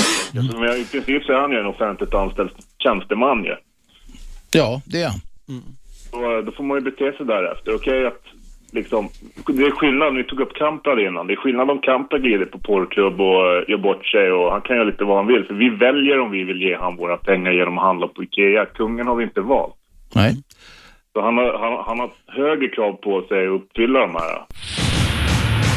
Radio 1. Aschberg. Det är jag det. Varje vardag 10-12, repris 20-22. Lyssna på radio1.se, det är nätet det. Det här så kallade internet. Och så kan ni lyssna på telefonapplikation om ni har så kallad smart telefon också. Ni ringer oss på 0211 12 13. Vi är inne på kungens hantering av medier. Vi har två medierådgivare, kommunikationsexpert, vad de nu är för något. Isabel Runebjörk och Paul Ronge här. Och det börjar ringa lite. Vem är där? Vem är där då? Hallå? Hallå?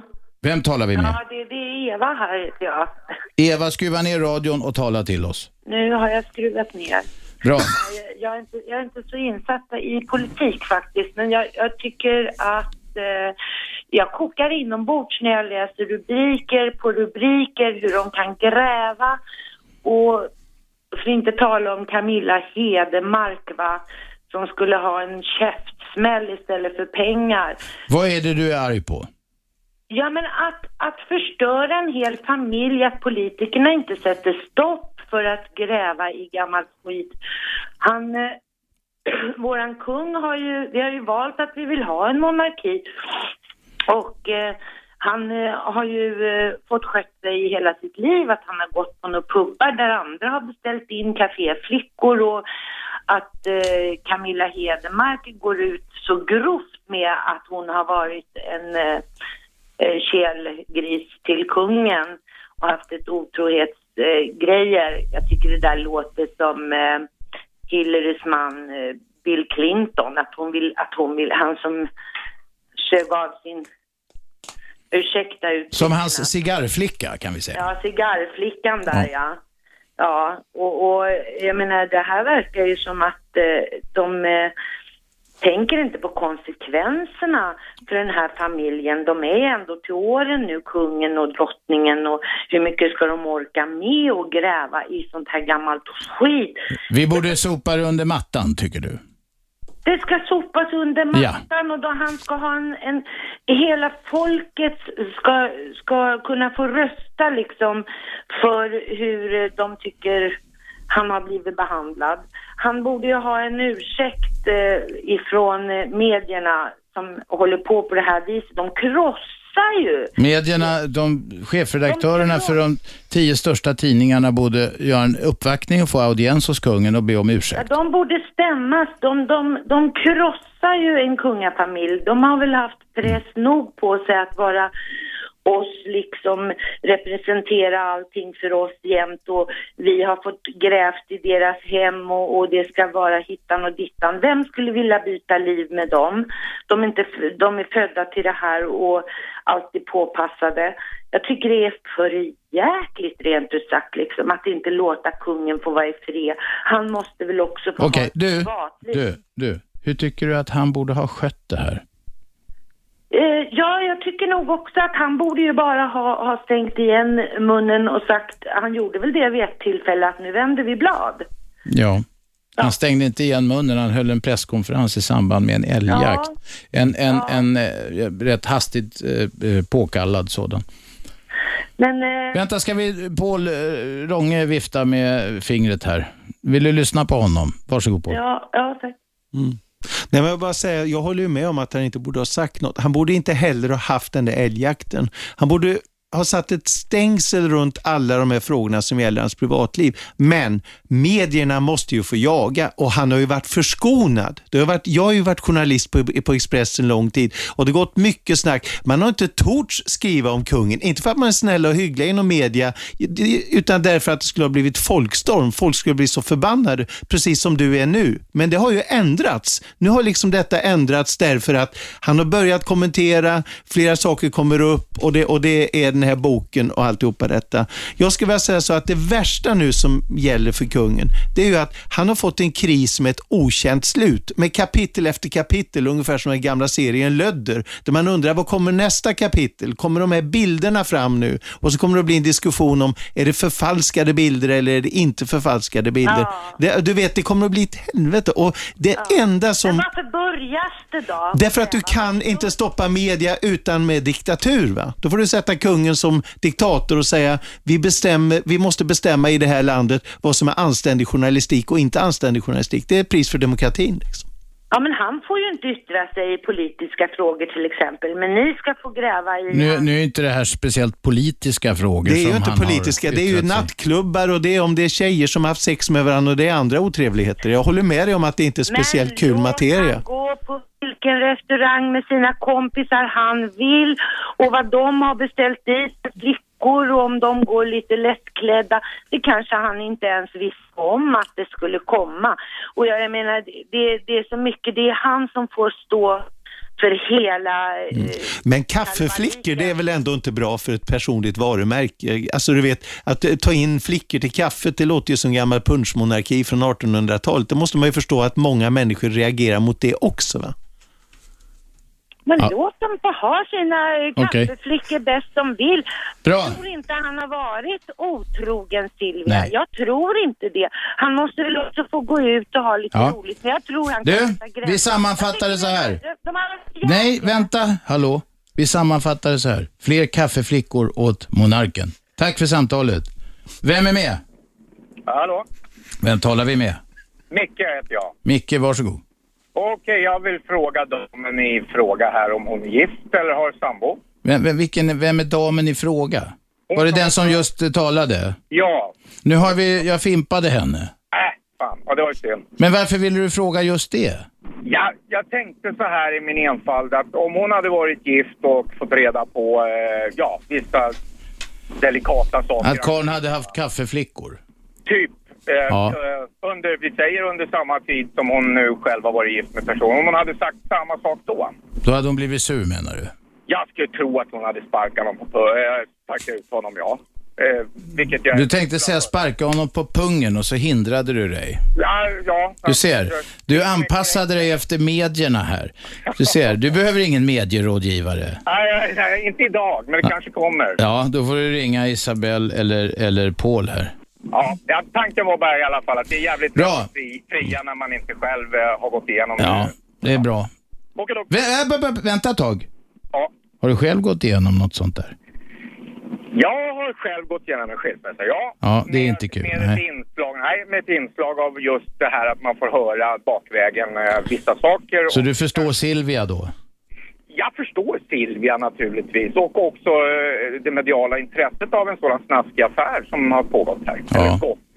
Det var Okej. väl inte en engångsföreteelse, jag skulle inte tro det i alla fall. Nej, problemet är väl att det är många som tror saker och i allmänhet när folk tror saker så lämnar det öppet för en enorm ryktesflora. Helt klart, men samtidigt så får man ju komma ihåg att ja, det här kanske inte har hänt, men vad fan. Ja. Okej, Micke, tack för samtalet. 0211 12 13 ringer ni. Eh, Isabel, Ja. du har bara suttit tillbakalutad här som kommunikationsexpert. ja, jag tyckte inte det Är det var för så mycket låg att nivå på samtalet Ja, nu? jag tyckte inte det var så mycket att kommentera faktiskt. Nej. Nej. Vissa saker, det kommenterar man inte. Precis, jag, jag sitter här och lyssnar på Paul. Mm. Lärt mig det nu. Nej, men ni alltså- grälar ju som fan i pausen här. Ja, precis. när, men det Paul bara- säger, när Paul säger att, att kungen ska bygga ett staket, det är hans eh, eh, metafor här för att, att, att eh, kungen säger det privatliv, det ska ni skita i. Mm. Då säger du emot. Ja, jag håller inte med om det faktiskt. Eh, Varför inte det? Ja, därför en sak är att kungen är kung, eller monark, han är inte gud, vilket gör att det är okej för honom att vara mänsklig och att fela. Eh, när det dyker upp, när, när, det, när det finns många vittnesmål om sånt som faktiskt folk är intresserade av, som är snaskigt och otrevligt, då skulle han kunna gå ut och eh, kommentera det en gång för alla.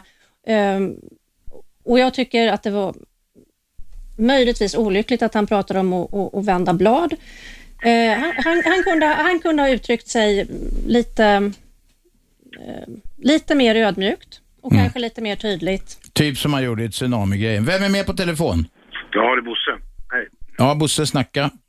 Ja, ja men alltså den där förgiftade byn i Indien där, den var väl hanterbar vad jag förstår. Men om man nu håller sig kvar vid kungen här, alltså det är inte bara en sak om man har följt tidningarna. Det är ju Camilla Henemark, Atlanta 96, en uh, Mille Markovic-klubb i Stockholm va. Och det kanske finns ännu mer saker som ingen har sett ännu då. Men är det inte TV4 som har sett bilderna i varje fall? Nej, det är en journalist där som har, har, har sett eh, bilder som den här Mille Markovic visar och det är väl ing- det är svårt att bedöma äkthet och så vidare. Om det är flera som har sett de där bilderna. En Aftonbladet-journalist har sett det, jag vet ytterligare människor som har sett dem, men man blir ju inte sådär förbannat stenhårt klok på att titta på dem gissar jag.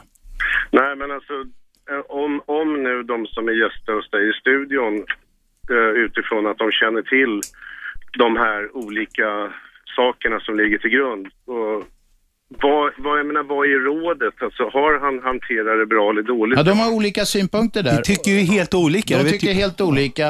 Eh, och det är väl intressant att se att medierådgivare, det är inte heller någon eh, sån där, eh, eh, vad heter det? Exakt Homogen- och vi har ju inte rätt homogen alltid åsikt. heller. Va? Nej, och ingen exakt, det är ingen matematisk Det vetenskap. finns väl skolexempel sådär som brukar tas upp för de som läser juridik eller annat sen en vacker dag. Man tittar på ett fall från 50-talet. Hur be- behandlades den här personen? Vad kan vi lära oss av det och så vidare va? Mm. Menar, det är väl nästan så att, att det här nu om vi pratar kungen liksom att det kommer säkert kunna användas en vacker dag i framtiden när man kanske vet mer än vad vi vet just nu. Vad man kan säga är ju att kungen har, har ju varken, han, va- varken Pauls Varken det Paul säger eller det jag säger eh, har kungen gjort. Han har inte byggt några staket runt sig själv. Han har inte stigit fram eh, och, och eh, varit tydlig med vad som har hänt och, och, och, och liksom, eh, förhållit sig till det. Utan han har varit mer diffus och förmodligen så är det det som är det stora problemet. Mm. Jag tänkte, det, det där håller jag med om, men sen tänk på en annan grej också. Det är, som Robban var inne på förut faktiskt, alltså hans sätt att försöka förklara sig i den här TT-intervjun när man tittar på TV. Det är som att se någon sätta sig med rumpan på ett piano fem, tio gånger. Det är ett skärande disackord helt enkelt. Det är totalt, alltså det skär sig. Hans sätt att agera det är den fumliga skolpojkens framför rektorn. Det är besvärat, det är generat, han pratar om ölmadammer och om annat. Men han försöker ändå på något vis dementera, vilket ju gör att han kommer att få den här frågan i retur. Talade du sanning eller ljög du? Den enda saken som jag tycker kungen klarade av att dementera med sitt kroppsspråk, jag är ju amatörretoriker, men jag såg det med kroppsspråket, det är att han har inte haft samröre med kriminella. Han, har inte, han hade ingen del i att man tog kontakt för att köpa bilder och så. Då tittade han rakt i kameran och såg ut som en kille som man kan tro på. Allt annat var helt, ja, ungefär som en som har pallat äpplen och nej men det var väl inte jag, vadå, jag tog väl bara några plommon liksom. Jo, men jag håller med om det. Men jag menar, även om han inte hade framträtt på älgjakten eller att han hade nu hållit den här enjournalist-grejen eh, som han gjorde utvald från TT så han hade ju sakta men säkert baxats fram till att han till slut inte kunde, även om han hade dragit upp murar och stängsel och det ena med det andra. Om det hade börjat så att säga nu dyka upp bilder. Det har ju varit några i Atlanta där som har trätt fram tjejen som skulle ha underhållit honom och var värdinna och han som var ansvarig för klubben. Och det finns ju säkert mer. Jag menar, han hade ju till slut lätt fram till att han hade tvungen att framträda i varje fall. Jag är inte säker på det. Det är precis det du säger nu som är det intressanta. För jag menar så här, i och med att man går fram och pratar då, om vi nu tar den attityden, då, då betyder det att han, allt kommer han att bli tvungen sen att diskutera. Sen är liksom locket borta. Han blir som en eh, naken människa i ett akvarium. Han blir som en fisk som simmar omkring till allmänt påseende. Någonstans måste vi alla sätta någon sorts gräns. Det här pratar vi om offentligt, det här pratar vi inte om. Men det är jättespännande det du säger. Om jag hade jobbat med dem, då hade jag sagt så här, vi ska bygga ett stängsel som inte ens ett X2000 kan slå igenom. Så starkt ska det vara. Och du ska inte snacka om det här ens under vapenhot. Därför att det ena leder till det andra och du kommer inte att kunna förklara det här på ett bra sätt. Men då måste jag fråga dig Paul, hur, hur tänker du då? Vad, tror du att folk skulle bara tystnat då och, och inte fortsätta att gräva och inte ställa frågor och inte undra? Man skulle acceptera att den här personen, han, han eh, vägrar att prata med, med, med, med oss. De hade säkert inte accepterat, men de hade varit tvungna att hacka i sig det. Både journalister och en allmänhet, därför du kan inte hänga kvar i en fråga hur länge som helst. Det kommer nya grejer, så kommer en stolle i New York, den är alltså Strauss-Kahn med sin hotellstäderska och så andra saker och plötsligt och så försvinner det så småningom. Det finns lägen när du måste säga okej, okay, jag tar den här stormen därför att vad jag än säger så kommer det bara att bli värre. Radio 1 Aschberg. Aschberg. Det är slutspurt nu i dagens program. Ni ringer 0211 12 13. Vi talar om medierådgivning. Vi har två kommunikationsexperter, medietränare och vad de nu är. Eh, I studion det är Isabelle Runebjörk och det är Paul Ronge och med på telefon hade vi Bosse. Bosse, var var vi någonstans? Ja, alltså vad jag tänkte säga det är väl att om sånt här drabbar någon annan i en yrkesroll så brukar väl telefonerna tystna så småningom. Eh, man får inte så många uppdrag, man får inte så många roller eller vad man har. Jag menar, Mm.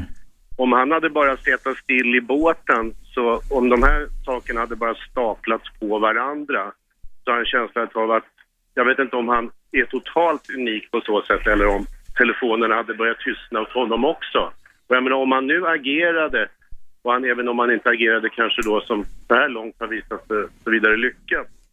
Så jag menar, de har väl kanske en pla- plan i den där familjen också att han kanske skulle köra tio år till och att de här nygifta paret nu, kronprinsessan och Daniel, skulle få chansen att bilda familj och kanske inte in i hetluften direkt. Och allt det där är väl kanske på väg att ställas på ända och inte stämmer. Kartan stämmer inte längre. Så att, men han har väl gått ut och försökt släcka bränder på bästa sätt men han har haft fel grejer med sig ut som det verkar va? Ja. Det kan vara så. Det kan vara så. Bosse, det är många som ringer. Tack för samtalet. Vem är med? Nej, men ingen som ringer där. Jaha, och då slocknar det. Ni som ringer, ni får hänga på lite grann. Nu hade vi Bosse här. Han fick bre ut sig lite. Om ni vill bre ut er så får ni inte bara lägga på direkt när ni inte kommer fram. Vi måste ta det i tur och ordning. Hur skulle det gå om alla trängde sig i kön? Vem är med? Ja, Uffe, hej. Uffe, varsågod. Jag, jag tänkte bara höra så här. Eh, jag är lite konfunderad därför att journalist som yrke, det innebär väl att man speglar samhället. Har jag rätt i det? Ja, det finns de som speglar allt möjligt skit. Ja, men då undrar jag så här. Det fanns en tidning en gång i tiden som hette AT. Aftontidningen, ja. Ja. De gjorde reportage, eh, jag är ute i skärgården, jag är ute i skärgården just nu. Skönt. Eh, Ja, det är jävla skönt och eh, där vet jag inom parentes att de kunde inte definiera Sverige, skärgården, friheten och luften. Där elementen möts. Ja, Ja. Nej, nu ska vi inte bli för poetiska. Nej, Kom nej, till saken. Men jag ville bara säga det att när det gäller det här med, med kungen nu, man, varför angriper man alltid folk i deras förflutna för att gräva upp? Eh, jag tänkte så här, den här stackars, vi vet ju om den här knyggen, han var ju ungdom för helvete. Han, han, han hade sina kompisar, det är klart att han gick på en porrklubb. Han, han gick ut och hade kul medan han var ung. Han, han- du, han har själv sagt att han inte gjorde det. Nej, men det är klart, han är hans svar. Så du menar att han ljuger? Ja, han skulle ha sagt så här, det har jag inte gjort. Han skulle ha dementerat definitivt. Du vet, du säger att, han ju ljugit. du, du säger att du tror att han var där. Han skulle ha sagt att han inte var där. där. Ja, men det är klart. Det är, ja, men han var ju ung, grabben. Han, han eh, vad heter det, han hade ju sina kompisar. Han var nog inte purung, inte alla gånger. Nej, inte alla gånger, men det är klart att han ville eh, botanera lite överallt. Och eh, det är väl inget fel. Även om man har den... den eh, En glad lax. Ja, ja precis. Men jag menar sen han har sitt ansvar, man mognar ju med åren. Och då skulle de ha lärt honom som pojk redan. Varför har du själv varit på porrklubb? Nej, aldrig. Ja, ljuger du nu? Jag, jag har haft mina fruar och kärringar, men jag har aldrig varit på, jag har inte behövt det. Nej, nej. Det har jag hemma. Ja, ja. Nej, men jag tycker liksom att man, man gräver och rotar och det. Och tänkte jag så här mitt stilla sinne, varför kan man inte göra ett reportage av en liten människa som sitter på ett skär och fiskar och går fram till honom, får du någon napp? Ja, det är bra. Det är bra. Det, jag måste nästan ha en näsduk. Mina ögon fylls som med tårar här. Paul vill säga något. Vänta Bosse får du höra. Varför har vi Förlåt, inte... Uffe var det. Uffe, varför har vi inte en tidning som till exempel har rubriken En helt vanlig dag på torget, ögonvittnen Ja, berättar. Eller så har vi en rubrik som säger Idag gick solen upp igen. Ja, det är ju för att det inte säljer. Alltså vi måste ju ha tidningar och vi måste ha media som roar och underhåller och som har lite rock'n'roll i sig, eller hur? Får får jag fråga dig en sak? Ja. Lyssna på allvarens ord här nu. Jag är 70 bast. Ja, ja. Och jag menar Jag är på väg dit. Ja, men det är så att folk i allmänhet som läser tidningarna, tror du att de mår bra och ser allt jävla elände i tidningarna? Det ena det andra man gräver i. Mord och gud fan allt. Nej, jag håller med, men jag tror, alltså de köper ju tidningarna. Om man skulle sluta Vänta, köpa... vänta. Jag vill höra mer av Uffe här. En Jag positiv. tycker att man har ett samhällsansvar som tidningsutgivare eller journalist att kunna någon gång harmonisera allt det här, det man skriver. Varför kan man inte intervjua gamla Sara som är 95 år, som gräver i trädgården och lever och hon jobbar fortfarande. Det måste finnas lite positiva saker i tidningen. Det är rätt. Jag ska ge dig ett exempel. Det, Paul har rätt i huvudsak. Alltså det är 99,9 procent. Inga nyheter är goda nyheter. Heter det. nyheter eh, eh, värdet på en nyhet avtar också med kvadraten på eh, avståndet. Va? En, en olycka i långt på, bort någonstans, i, på, på Tonga eller någonting, den väcker inte alls samma intresse som om det är på gatan och så. Det finns en massa sådana här mekanismer i medierna. Men det är ett faktum att eh, eh, dåliga nyheter är så att säga nyheter. Inga nyheter är goda nyheter. Nej, de är säljande nyheter. Men det, men det finns ett undantag och nu ska jag ta det. Jag ska vänta Uffe, jag ska runda av med ett undantag. Aftonbladet gjorde en gång för 100 år sedan, i alla fall 30 år sedan eller något sånt, så gjorde de en löpsedel där det stod regn hela semestern. Det var en mycket dålig nyhet, men de sålde inte en jävla tidning. Och efter det så gick det ut order på att det skulle vara en sol på första sidan varenda dag och den solen fanns där som symbol år ut och år in i många år. Och Det får vara undantaget som bekräftar regeln. Tack Uffe för samtalet. Tack kära gäster för att ni kom hit. Vad är det vi har imorgon? Kort. Imorgon pratar vi om sömn och bristen på sömn. Sömn ja. Det är ett helvete för många att ligga vakna på nätterna. Vi talar om det. Vi är tillbaka 10.00, 101,9 Sveriges nya pratradio. Jag heter Aschberg. Tack för att ni lyssnade. 101,9 Radio 1. Sveriges nya pratradio.